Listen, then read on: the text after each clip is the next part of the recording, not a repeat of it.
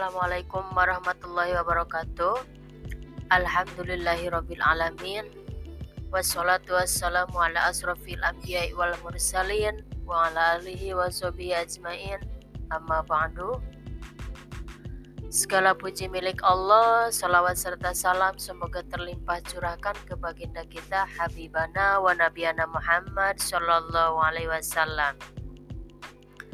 Selamat pagi, anak-anakku yang Allah muliakan. Mudah-mudahan apa yang kita lakukan hari ini menjadikan amal kebaikan yang bisa kita tuai hasilnya di kemudian hari. Amin. Allahumma amin. Baik, selamat bertemu kembali pada pembelajaran pendidikan agama dan budi pekerti. Setelah minggu lalu kita mempelajari tentang strategi dakwah Islam di Indonesia, sekarang kita sel selanjutnya kita akan membahas tentang perkembangan Islam di Indonesia atau Nusantara. Anak-anakku yang Allah muliakan, amin. Masuknya agama Islam ke Nusantara sudah kita ketahui adanya beberapa teori. Berdasarkan bukti-bukti yang ada, teori Mekah cukup meyakinkan untuk dipilih yaitu bahwa agama Islam sudah masuk ke wilayah Nusantara dari abad ke-1 Hijriah atau ke-7 Masehi. Namun, saat itu perkembangannya masih belum pesat dan meluas. Pada abad-abad selanjutnya baru terjadi perkembangan yang lebih pesat, terutama setelah abad ke-7 Hijriah atau ke-13 Masehi. Baik, kita langsung ke pembahasan perkembangan Islam. Yang pertama, perkembangan Islam di Nusantara. Tempat mula masuknya Islam di Pulau Sumatera adalah pantai barat Sumatera. Dari sana berkembang ke daerah-daerah lainnya sekitar tahun 1440. Agama Islam masuk ke Sumatera Selatan. Mubalik yang paling berjasa membawa Islam ke Sumatera Selatan adalah Raden Rahmat atau Sunan Ampel. Arya Damar yang kemudian terkenal dengan nama Aryadillah atau Abdillah adalah Bupati Majapahit di Palembang pada masa itu. Kemudian Raden Ahmad atau Sunan Ampel memberi saran kepada Abdillah agar bersedia menyebarkan agama Islam di Sumatera Selatan atas rahmat dan petunjuk Allah Subhanahu wa taala. Saran Raden Rahmat tersebut dilaksanakan oleh Aryadillah sehingga agama Islam di Sumatera Selatan berkembang dengan baik. Selanjutnya perkembangan Islam di Kalimantan Maluku. Di Pulau Kalimantan Agama Islam mula-mula masuk di Kalimantan Selatan dengan ibu kotanya Banjarmasin. Membawa agama Islam ke Kalimantan Selatan ini adalah para pedagang bangsa Arab dan para mubalik dari Pulau Jawa. Perkembangan agama Islam di Kalimantan Selatan sangatlah besar mencapai puncaknya setelah Majapahit runtuh pada tahun 478. Daerah lainnya di Kalimantan yang dimasuki agama Islam adalah Kalimantan Barat. Islam masuk ke Kalimantan Barat mula-mula di daerah Muara, Sambas, dan Sukadana. Dari dua daerah inilah baru tersebar ke seluruh Kalimantan Barat. Pembawa Islam ke daerah Kalimantan Barat adalah para pedagang dari Johor atau Malaysia serta ulama dan mubalik dari Palembang, Sumatera Selatan. Sultan Islam yang pertama tahun 1591 di Kalimantan Barat berkedudukan di Sukadana yaitu penambahan Giri Kusuman. Selanjutnya penyebaran Islam di Kalimantan Timur terutama di Kutai dilakukan oleh Dato' Ri Bandang dan Tuan Tanggang melalui jalur perdagangan. Kemudian sejak abad ke-15 antara tahun 1400 sampai 1500 Islam telah masuk dan berkembang di Maluku. Pedagang yang beragama Islam dan para ulama atau membalik banyak yang datang ke Maluku sambil menyiarkan agama Islam. Daerah-daerah yang mula-mula dimasuki Islam di Maluku adalah Ternate, Tidore, Bajau, dan Jailo. Selanjutnya perkembangan Islam di. Sulawesi. Pada abad ke-16, Islam telah masuk ke Sulawesi yang dibawa oleh Dato' Ribandang dari Sumatera Barat.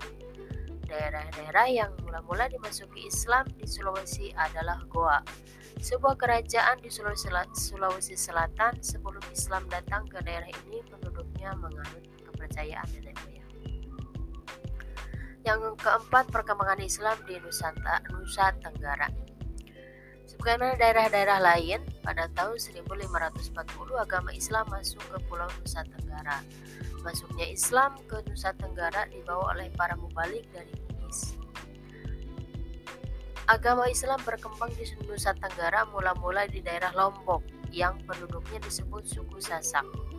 Dari daerah Lombok secara pelan-pelan selanjutnya tersebar pula ke daerah-daerah Sumbawa dan Flores.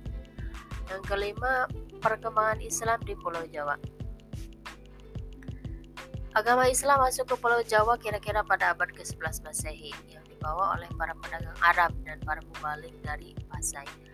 Tempat yang mula-mula Islam masuk di Pulau Jawa yaitu daerah-daerah pesisir atau Jawa Timur.